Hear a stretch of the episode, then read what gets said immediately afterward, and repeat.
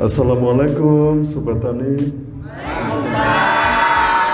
Uh, Selamat pagi Sobat Tani Perkenalkan kami dari IP, BPP IPDM IP Kecamatan Gabus Kabupaten Pati akan melaksanakan pertemuan SL Sekolah Lapang IPDM IP yang kelima di Desa Gembolsari dengan DI Koriban.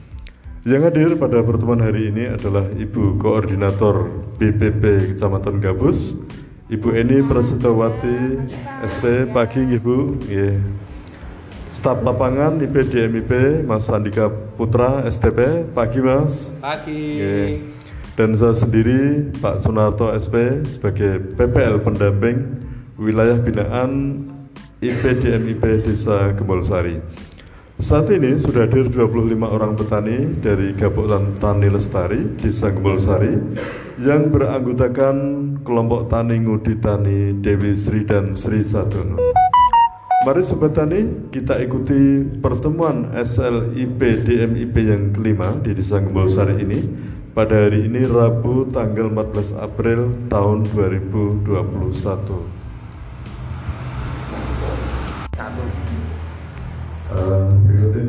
Bapak Ibu Sobat Tani Mas Andika Pratama STP akan memberikan materi apa Mas materinya? Materinya tentang gizi, Pak. Oke gizi untuk ya petani. monggo ya disimak bersama-sama ini Mas Andika monggo.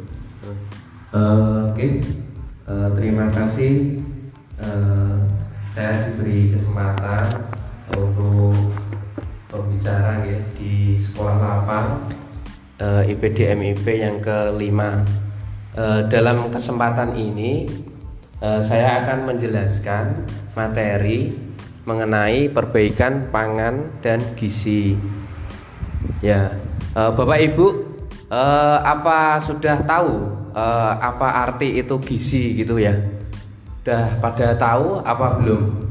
Tiga. Nggih, bagaimana Bapak Ibu? Udah pada tahu materi tentang gizi-gizi? Gizi? Oh ya, ya. Terima kasih. Eh, ya di sini saya akan menjelaskan nggih, gizi. Jadi gizi itu adalah eh, mungkin yang bawa buku bisa sambil mencatat nggih, Eh, biar nanti eh, ketika kita ada pelaksanaan untuk post test, Bapak Ibu tahu ya Eh, gizi adalah zat yang dibutuhkan tubuh sebagai makanan, sumber energi, penunjang kehidupan, dan zat yang membantu mengatur semua aktivitas sel dan di jaringan tubuh. Nah, gizi ini didapat dari eh, hasil-hasil komoditi pertanian Bapak Ibu itu gitu loh. Jadi eh, mulai dari eh, zat yang masuk ke dalam tubuh yang eh, itu akan mempengaruhi di kesehatan Bapak Ibu sendiri. Jadi ketika ada yang kekurangan gizi itu eh, dapat mengganggu kelangsungan hidup gitu loh Bapak Ibu ya. Jadi eh, bisa menyebabkan juga ke kematian. Eh, masalah gizi eh, disebabkan oleh dua hal. Eh, yang pertama dari konsumsi makanan. Eh, untuk yang kedua dari penyakit infeksi. Eh, baik buruknya kualitas dan jumlah konsumsi itu ditentukan oleh eh, yang pertama ketersediaan pangan dari rumah tangga, terus pengolahan pangan, ketiga yaitu pola konsumsi.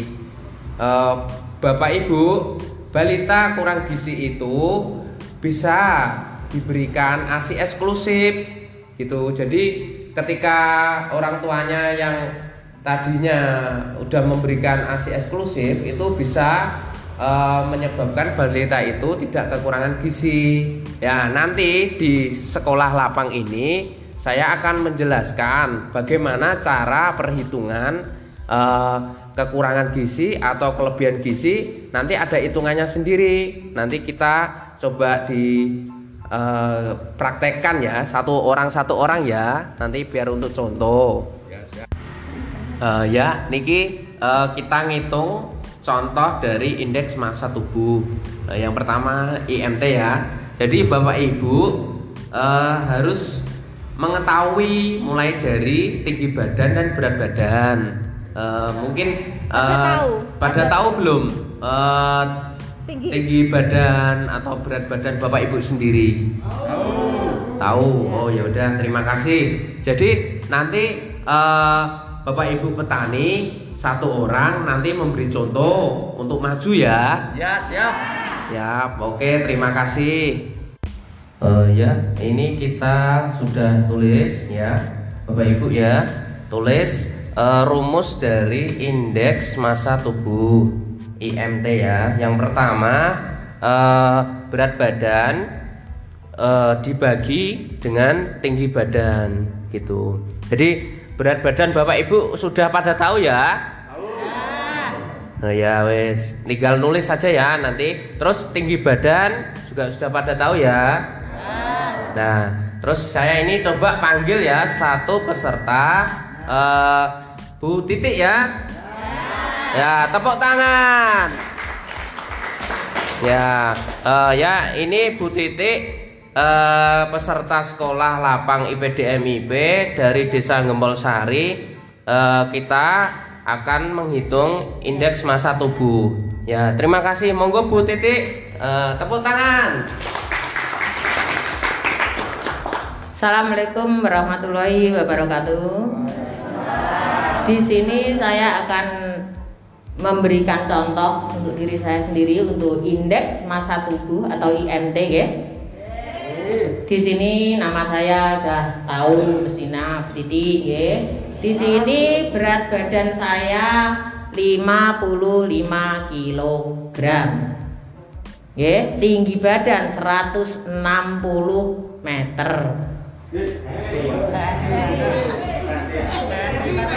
Sentimeter. Nah, kemudian di sini caranya yaitu berat badan dibagi tinggi badan yaitu 55 kg dibagi 1,6 kali 1,6 berarti tinggi badan saya berat badan saya 55 dibagi 2,56 sama dengan 21,48 sedangkan status gizi kurus IMT itu 18,5 kurang dari 18,5 status gizi normal IMT 18,5 sampai 23 status gizi overweight ya sing IMT lebih dari 23 sedangkan saya tadi 21,48 berarti saya adalah termasuk status gizi normal Wih, tepuk tangan, tepuk tangan ya. Terima kasih Bu Titi sudah memberi contoh ya untuk penghitungan IMT. Tadi masuknya ke normal ya. Ya. Alhamdulillah udah normal ini. Eh, ya itu sedikit materi dari saya.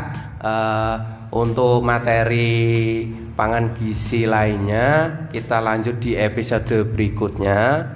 Eh, ya ini kita kembalikan ke moderator yaitu ke Pak Sunarto SP ya. Terima kasih. Ya, terima kasih untuk Mas Andika Pratama STP ya Yang tadi telah memberikan materinya untuk pertemuan SL kita yang kelima pada hari ini. Gimana ibu-ibu, bapak-bapak sudah bisa menghitung sendiri ya tadi? Bu Titik? Ya. Ya, aplaus untuk Bu Titik. Ya Ya ternyata tadi dari penghitungan IMT-nya Bu Titik mendapatkan standar gizi normal. Karena skornya berarti antara 18,5 sampai 23. Jadi saya ulangi ya Bapak Ibu ya.